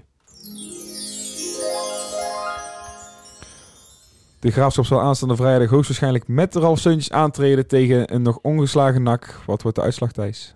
Nou, als jij het eerst even zegt, dan zeg ik het tegenovergestelde. Maar jij zit er vaak niet zo lekker in. Nou, ik had in de rust wel goed, hè? Oh. Toen er twee goals erbij, maar 1-1. Wat denk jij dat gaat worden? Oké, ik zit zelf te denken aan eh 1-3. positief. Jeroen? Ik ga voor 2-3. Ik denk dat het een hele leuke Oh. aanvallende wedstrijd wordt. En daar eh, gaan veel doelpunten vallen. Ik wilde eigenlijk ook 1 eh, 1-1 zeggen, maar... eh, Zou ik dat niet meer doen? nee, maar ik, ik zie op zich, zie, wat Jeroen zegt, zie ik wel zitten. 4-5. Gewoon staat, spektakel 90 minuten lang. staat weer genoteerd, heren. En eh, we gaan Dus het het wordt een bloedeloze... Wel overigens, nul. wat ik ook leuk vind aan deze wedstrijd, is dat het ook een wedstrijd wordt tussen, ehm, eh, natuurlijk sowieso NAC, NAC en Graafschap, maar dat het ook een wedstrijd wordt tussen een aantal spelers die eventueel ook bij ons hadden kunnen voetballen. En jongens die we in plaats van daar hebben gehaald. Dus we wilden Opoku eh hebben. Liefdink. Nou, eh, Liefdink is natuurlijk nog een tijds, eh, tijdperk van eh, dingen geweest, van, eh, van die ballen. Maar goed, die wilden we ook hebben. Ben ik toch wel benieuwd hoe dat, eh, hoe dat dan zo tegen elkaar opwerkt. En dat hoop ik altijd dat je aan het eind van de streep kan zeggen, nou, goed gedaan. Volgens nog, als je kijkt naar de selecties, ben ik tevredener met wat we nu hebben dan wat we hadden kunnen hebben. Eens. Dan gaan we Jeroen wel eens eh, aan de tand voelen.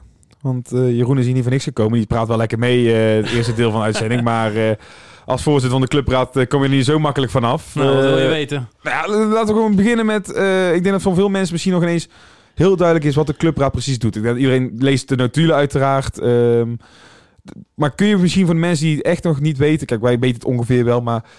Voor de mensen die luisteren en eigenlijk denken van... Ja, wat doet de clubraad? Kun je dat even toelichten?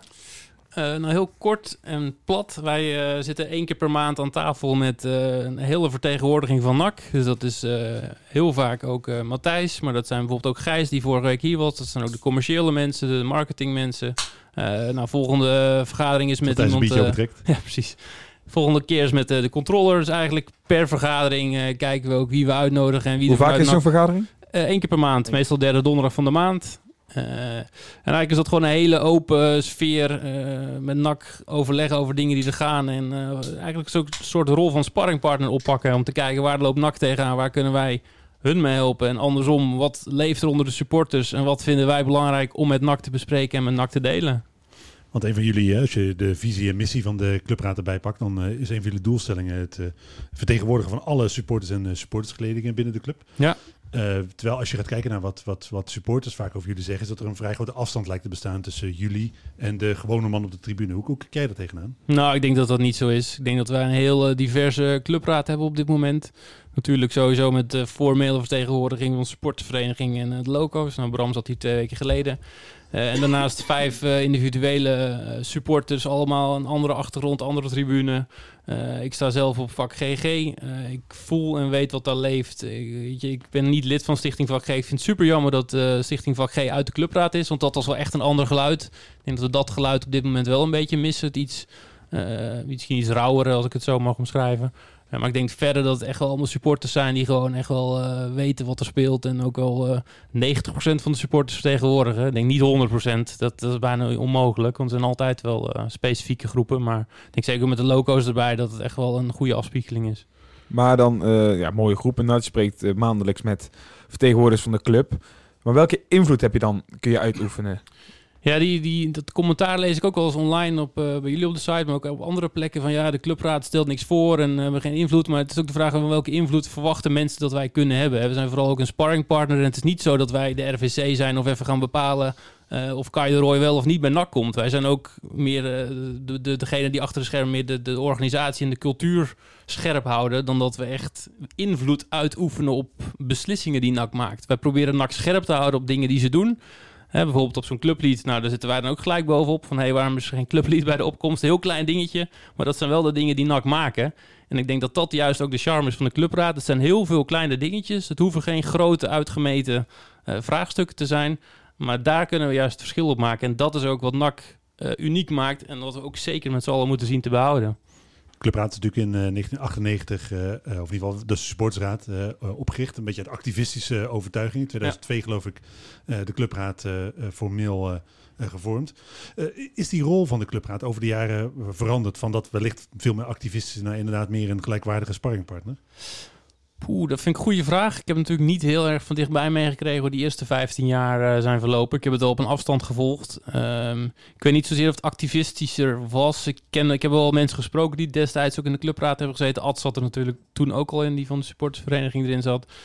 Eh, ik denk dat elke periode zijn eigen dynamiek heeft. En ik denk dat met de ene algemeen directeur ben je ook veel meer in dialoog. En met de ander is het veel meer vechten en proberen informatie los te krijgen. Dus het hangt ook echt- wel af met wie van NAC je aan tafel zit. En ook uiteraard hoe het er sportief aan toe gaat. Dat speelt ook wel een belangrijke rol. Dan noemde je net eh invloeden, net zoals je zegt van hey, het clublief wordt niet ge- gedraaid, daar zitten we gelijk bovenop. Zijn er ook dingen die je op de agenda hebt staan van hey, dat moeten we op termijn, eh, gaan we daar eens mee aan de slag? Of zijn, leven jullie echt in de waan van de dag?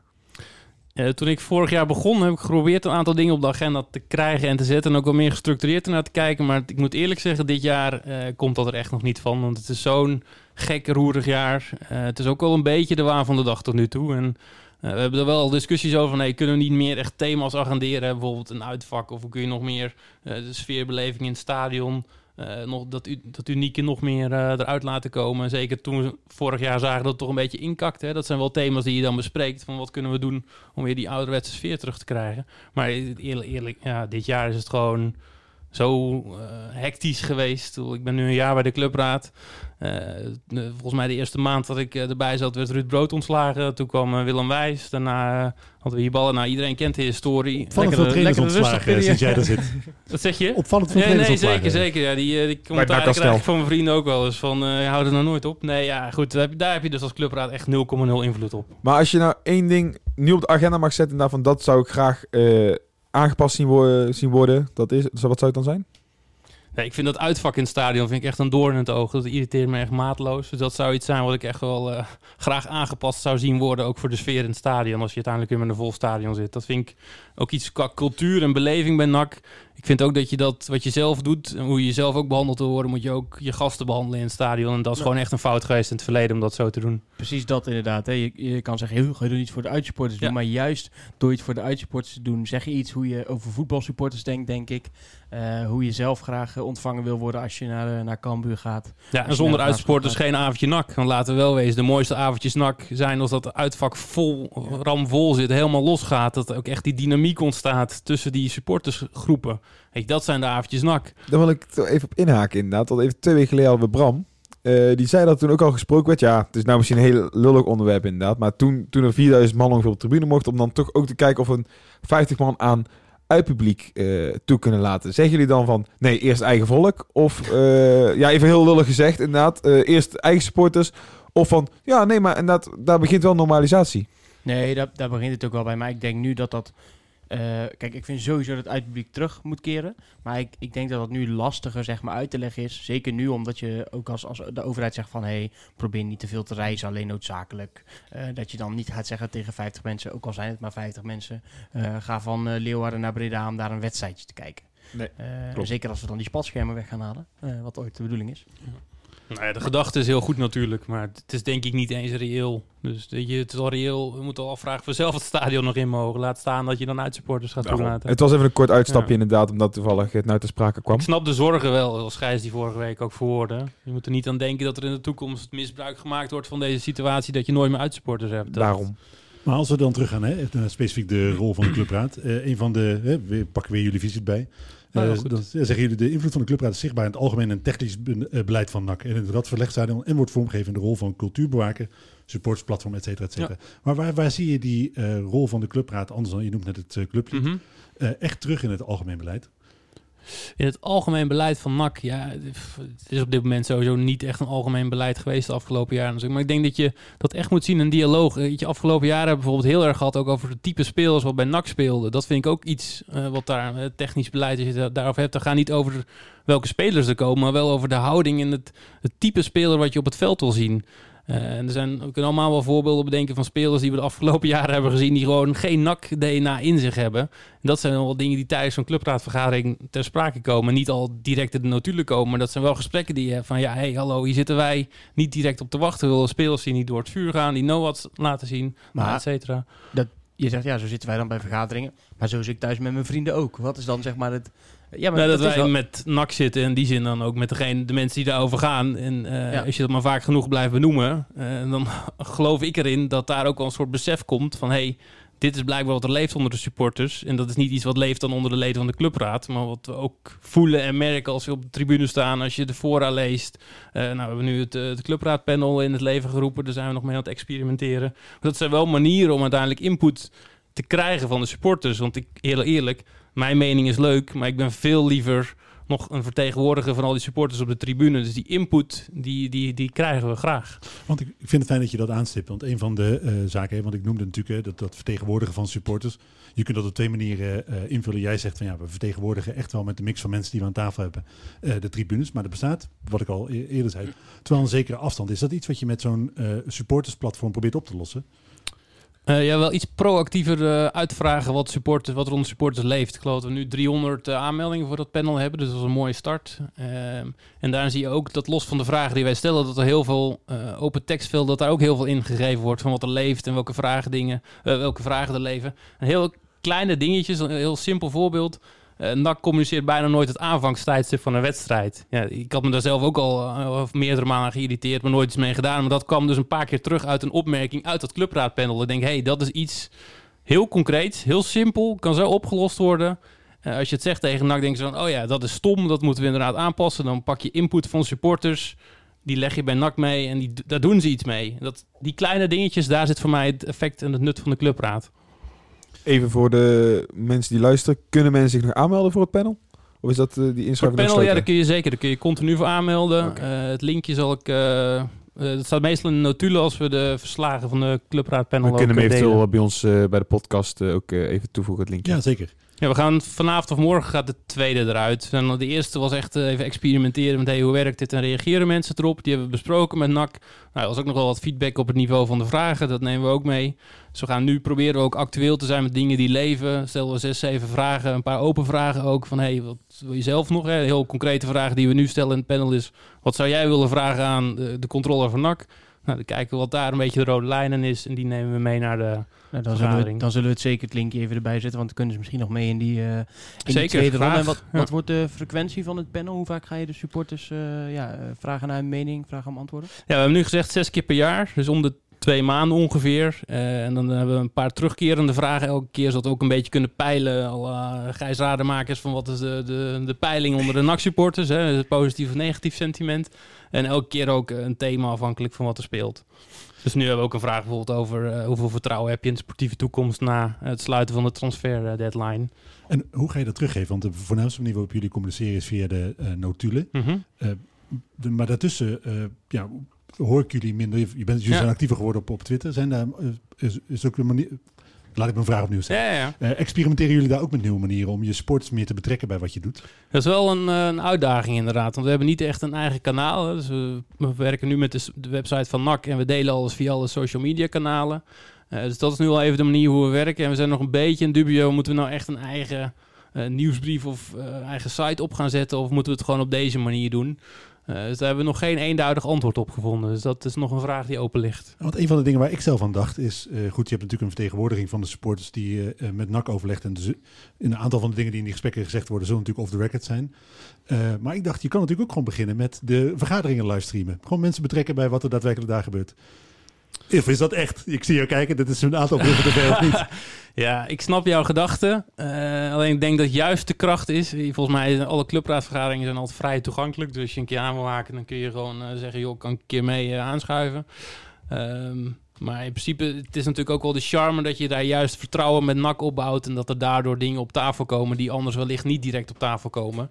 En niet elk, eh, eh, informatie komt altijd in de notulen, omdat sommige dingen gewoon echt vertrouwelijk zijn. En die, het is wel handig om te weten, om een context te snappen, maar die je dan nog net even niet kunt delen met het, ja, het grotere Maar, massa. maar zit daar voor jou ook een spanningsveld? Want je bent natuurlijk een vertegenwoordiger van eh, ons als publiek zijnde. Dat je dingen weet. eh, je bent anders dan je rol die je hebt. Niet anders dan wij als supporter. Nee, klopt. Zit daar voor jou een spanningsveld? Ik ben het liefst zo transparant mogelijk, ja, maar ik snap ook wel dat Nou, zeker... gooi het erop. Ik Gooi op snap tafel. ook wel dat als het over eh, financiële dingen gaat... of als het over eh, wat dingen achter de schermen gaat... die niet nog niet, waar ook nog niet direct toegevoegde waarde zit om het te delen... maar wel zorgen zitten. Dat je dan die zorgen wel bespreekt... maar nog niet direct bespreekt hoe dat opgelost gaat worden... of wat dan eh, de acties zijn die daar lopen. Dus eh, eigenlijk gaat dat vrij soepel. Omdat je eigenlijk, doordat je dan hoort wat er speelt... daar ook gelijk de, de, de, de puzzel kunt leggen van oké, dus prima dat dat over twee, drie weken naar buiten komt, maar daar hoef ik nu nog niks mee te doen en dat, dat is dan ook oké. En als het echt brand is, dan moet, komt het toch wel naar buiten.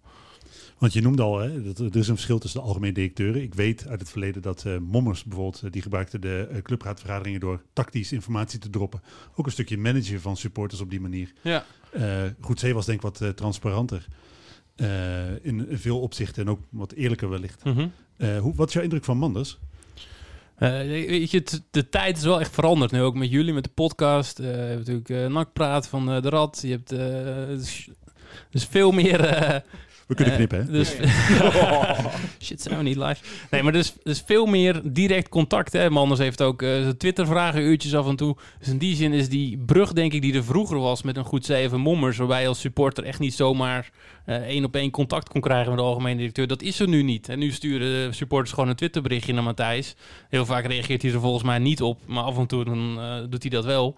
Dus die, die brug is wel een stuk kleiner geworden, waarmee denk ik onze rol eh, ook wel enigszins verandert. Omdat je daarmee, ja, eigenlijk de, de nieuwswaarde is er een beetje uit. Want al het nieuws wordt door Matthijs zelf al gedeeld. Hij is heel transparant in wat hij wil delen. En dingen die hij deelt, deelt hij ook met ons. En dingen die hij niet wil delen, deelt hij ook nog niet altijd met ons. Dus eh, da- daar zit ook nog wel een stuk eh, vertrouwen wat moet groeien, denk ik. Maar als je dan kijkt naar die veranderende rol van jullie als orgaan, schets dan eens een toekomstbeeld van vijf jaar. Waar- hoe, hoe verandert die rol dan? Eh, ik denk nog meer op de achtergrond. Ook al zouden heel veel supporters denk ik willen zien dat wij op de voorgrond eh, juist treden. Maar ik denk dat juist de kracht ook van een clubraad ligt... op gewoon op de achtergrond een constructief gesprek met NAC te voeren. Eh, en wel veel meer met het ophalen van de input van de supporters... en het wel ook terugkoppelen en delen. Ik denk dat daar de toekomst van de clubraad ligt. Veel meer echt de stem van de supporter zijn... en niet alleen de stem van Jeroen of eh, een van de andere clubraadleden. En dat die indruk eh, kreeg ik in het begin wel een beetje dat het heel erg de stem is van de mensen die er zaten. Terwijl ik vind, je moet ook zorgen dat je eh, die input echt actief ophaalt. En niet alleen maar gaat zitten wachten tot er een keer een mailtje binnenkomt. Want de mailtjes die reactief binnenkomen, dat zijn vaak ook niet de meest constructieve mails. Dat zijn vaak de emotiemails na een verloren wedstrijd. Terwijl nu met zo'n panel of eh, met het echt openstellen van de Twitter-vraag van... hé, we hebben donderdag vergadering, stuur je vragen maar in. Dan krijg je ook veel meer constructieve vragen, is mijn ervaring de laatste maanden al. Maar op zich zijn dat toch, eh, misschien begrijp ik het verkeerd, maar ook al een beetje twee tegenstrijdige dingen. Want je zegt, ja, we willen steeds wat meer op de achtergrond, maar ondertussen ga je wel, of gaat het dan echt om de poppetjes? Want ondertussen ga je dus wel meer mening ophalen, wil je dat meer gaan communiceren, wil je meer terugkoppeling doen, dan... Meer dat- inhoud, minder eh, show. Eh, de Ja, show is er, was er al nooit, hè, want de clubraad is in die zin eh, het eeuwige verwijt van het is niet zichtbaar. Maar die show Ja, dat hoeft is dus voor niet mij waar. ook niet te Dat zijn. dat- Nee, maar dat, dat klopt dus niet wat je zegt. Want je zegt, geen, er was dus wel show. Want anders dan... nee, nee, nee, Nee, nee, ik bedoel, nee, de clubraad was eh, in de beleving van veel mensen, en dat was ook de vraag die mij had gesteld werd, niet Ja. zichtbaar genoeg. Nou, ik denk dat we nu nog steeds niet zichtbaar genoeg zijn. Hè. We, we doen daar wel alles aan, ook met door de social media echt wel eh, goed te benutten. Eh, dus mensen die ons willen volgen, die kunnen dat echt prima doen. Ook nu als je aanhaakt bij dat panel. Maar het, het gaat voor mij wel veel meer op de inhoud, op de achtergrond, dan op de voorgrond treden. Eh, heel, heel concreet voorbeeld. Jullie belden mij toen, eh, toen die, die ontslaggolf eh, Ja. ging. Eh, ja, achteraf gezien dacht ik van ja, weet je, het is wel leuk dat ik daar wat van vind. Maar eigenlijk, mijn mening is helemaal niet relevant op zo'n moment. Het gaat veel meer om de kleine dingen achter de schermen dan over de technisch directeur of de algemeen directeur die wordt aangesteld. Daar heb je wel mee te dealen, maar daar hebben wij toch niet heel veel van te vinden. Daar zijn andere partijen voor. Ik heb eh, nog eh, twee puntjes, eh, als het mag. Ja. Eén is, eh, ik ga het kort houden. 1 uur 45 minuten gaan we niet overtreffen vandaag gelukkig. Dus Eh, jullie hebben natuurlijk eh, eh, recent, of in ieder geval redelijk recent, een gesprek met eh, de aandeelhouders Mhm. gehad. En eh, op het vlag wat daar... eh, Dat is ook heel positief ontvangen door alle supporters. Ja, maar dat was. eh, maar kun je dat wat toelichten? Want eh, jullie hadden na afloop van dat gesprek zelf daar een eh, goed gevoel over. Maar Ja. dat was bij de, een deel van de achterban weg nadat we jullie verslag Ja, ja, bij 99% volgens mij, want eh, ik zag echt weinig positieve reacties. Dan, dan loopt de energie ook wel even weg, moet ik eerlijk zeggen. Dat snap ik. Eh, maar ik snap het ook wel. Eh, maar ik denk ook wel de verklaring die ik zag. eh, vier nieuwe leden in de clubraad. Drie die hier al wat langer zitten. Ik denk dat als we achteraf kijken dat we het volgende keer ook echt ook wat constructiever en beter moeten voorbereiden. als clubraad zijnde. Ik denk dat daar echt wel wat huiswerk voor ons ligt. En dat is ook weer dat panel een goed middel voor om juist die input op te halen van hey, wat willen supporters weten van die aandeelhouder. Eh, maar wij hebben het ervaren als een heel constructief open gesprek. En dat niet alles in dat verslag en in de notulen naar voren komt. Ja, dat is irritant. Je probeert dat zo goed mogelijk te doen. Eh, maar de sfeer en de beleving tijdens zo'n avond. Ik denk dat ik daar veel meer op doelde in mijn berichtje wat ik toen postte. Eh, dat, die was gewoon heel constructief, heel open. Ik had niet het idee dat er een verborgen agenda was. Er werd gewoon heel transparant verteld hoe het zit. Ook zelfreflectie van jongens, dit hebben wij gewoon fout gedaan. En dit is hoe we het anders willen doen en hoe we het voor ons zien. En dat verhaal was aan zich eh, gewoon heel reëel en heel goed. En dat dat dan niet in zo'n verslag naar boven komt... en dat mensen dan Maar- meer verwachten, dat snap ik. Maar, Maar dat, is, ja. dat, is dat verslag dan ook omdat iedereen daar een plasje over moet doen, dat het uiteindelijk een politiek correcte versie van de werkelijkheid wordt? Eh, ik denk deels ook wel, ja. Want niet alles wat dan gezegd wordt... mag dan weer één op één eh, zo in de natuur komen. Dat is dan ook weer gevoelig. Dus ja, je kunt je Maar- er denk ik wel iets bij Maar voorstellen. stel, je had daar echt een totaal slecht gevoel aan overgehouden aan dat gesprek. Dan had je dat ook niet naar buiten gebracht, toch? Nee, maar ik, oh, ja. Ja, dat weet ik niet. Ja, ik denk dat dat te schalig voor de club is. Of zo, dat je Nou, daar, dat je dat, dat, dat, dat, ik zo zeggen dat de aandeelhouders het niet goed gekeurd Nou, dan hadden. zitten wij helemaal anders in elkaar. Ik had dat als ik daar echt met een super ontevreden gevoel naar buiten was gelopen, dan had ik dan meteen aan de rode klok gehangen. Ik ben normaal betoeterd. Ja, nee, nee. Ja, nee, oh, ja, nee, dat snap ik. Maar het- dat eh, heb ik zelf ook wel. Want, eh, dat, is dat, dat zeker wil ik eigenlijk wat sorry. jij zegt wil ik eigenlijk dat hij dat ook zegt eigenlijk. Dat, dat, Je zit helemaal niet in de clubraad. Hou je mond nou eens. Nee, maar dan heb je volgens mij twee dingen. Dan is het formele verslag en het informele eh, circuit waar je zelf je mening geeft. En dan had ik dat berichtje nooit gepost van... hé, hey, wat een fijne avond en eh, wat een super constructief gesprek. Dan had ik echt wel iets anders gezegd. Dan had ik gezegd van, nou oké, eh, dat was eh, prima gesprek... maar eh, niet alles kwam op tafel. Of eh, dan had ik dat ook echt wel eerlijk gezegd. Dus dat, eh, ik, ik zit daar niet voor mij... Voor de, mensen wel eens denken, ah, de clubraad is allemaal voor hun eigen eer... hun eigen ego, voor het plusje. Dat interesseert me echt te vellen. Het interesseert mij ook echt totaal echt 0,0 dat ik de voorzitter ben van de clubraad. Ik vind het heel mooi en heel eervol om dat te mogen zijn. Maar die positie, dat, dat, dat doet me helemaal niks. Ik vind het veel belangrijker om op inhoud die gesprekken te voeren met NAC... dan heel erg die titel uit te dragen van... kijk, onze clubraad zijn. Het gaat mij echt om de inhoud. En die boodschappen die wil ik eh, nog wel even ingooien. Toch fijn dat ik het nou van hem hoor, hè? Ja, beter. ik moet gewoon eh, vaker mijn mond houden. Maar dat is volgens mij ook die die heel die vergaderruimte afgebroken daar zo. volgens mij ook feedback die wij op onze podcast krijgen. Je hebt één puntje, denk ik. Ja, eh, en dat is eigenlijk, hè, want je noemt al dat eh, supporterspanel is een manier eh, waarop jullie te bereiken zijn. Hoe, heb je nou als clubraad nog behoefte eh, wat betreft eh, de, de eh, verbinding die je met supporters hebt, de input die je van supporters krijgt, anders dan eh, je nu via dat supporterspanel zelf op poot hebt gezet? Maar waar kunnen mensen jullie mee helpen, is misschien wel mijn vraag. Mm, nou, ik denk één deelnemen aan dat supporterspanel. Want het helpt ons als er niet eh 300 Je moet mensen... even, maar, Jeroen, eh, ik ga je heel even ontbreken. Je moet er even je microfoontje draaien. Oh, sorry. ja, heel goed. Het helpt ons als het niet eh, 300 mensen zijn, maar bij wijze van spreken 3000. Dat presenteert toch net even anders die resultaten aan NAC van hey, eh, want ik vind nu altijd een beetje eh, de mening op, eh, op jullie site, die wordt heel erg gevolgd. Volgens mij leest Matthijs ook alles en het aantal duimpjes omhoog, dat is zeg maar de mening van de NAC-supporter. En ik zou het mooi vinden als we uiteindelijk een soort van panel hebben, waarbij je gewoon van 3.000, 4.000 NAC-supporters een goede dwarsdoorsnede van het hele stadion hebt. Dat je ook ziet wat er per tribune, per leeftijdsgroep, per eh, ver- verhouding in het stadion, wat er leeft. Dan kun je veel meer daar gericht op sturen en kijken wat moet je in je communicatie anders doen als club. Eh, dus ik denk dat supporters ons daar vooral bij kunnen helpen. Gewoon mee te doen met dat panel en ook ons input te geven en ook gewoon vragen in te sturen van hey joh, eh, ik ben wel benieuwd wat NAC supporters hiervan vinden of hoe NAC hier tegenaan kijkt. En andersom leggen we bij NAC ook de uitnodiging elke keer neer van joh, wat willen jullie nou dat wij onder de supporters uitvragen. En dat is nog echt enorm aftasten, dat moet echt groeien. Eh, maar ik denk dat als we een half jaar of een jaar verder zijn, dat er echt wel iets moois staat en dat dat tot iets goeds kan uitgroeien. Dat uiteindelijk ook andere clubs dat weer gaan kopiëren van ons. Tot slot, als we jou over een jaar spreken, wanneer is dan los van promotie en alles en de, die clichés, is Jeroen eh, tevreden als voorzitter van de clubraad? Echt heel erg Cliché- worstelt. Clichés zijn toch dingen, Zet hem clichés zijn toch, dingen die heel vaak terugkomen, hè? Toch? Wat zei je? Clichés en dergelijke zijn toch dingen die heel vaak terugkomen? Ja, vooral als je Kei de Roy gaat. Oh ja, of juist niet trouwens. Nee. Nee, maar nee. wanneer ben je tevreden, zeg maar, wat wil je, wat, wanneer je iets bereikt hebt? Of is er een doel in je hoofd dat je... Nee, op dit moment is er geen specifiek doel. Ik denk eh, dat we die vertrouwensband met Matthijs die moet groeien. En ik denk ook gewoon eh, de organisatie NAC en de technisch beleid dat moet de komende tijd weer neergezet worden. Ik denk dat we daar gewoon als clubraad en als supporters volledig eh, eh, kritisch op moeten blijven. Maar ook vooral onze steun over moeten uitspreken. Dat we die poppenkast die we het afgelopen jaar hebben gehad niet nog een keer doormaken. Want daar wordt niemand blij van.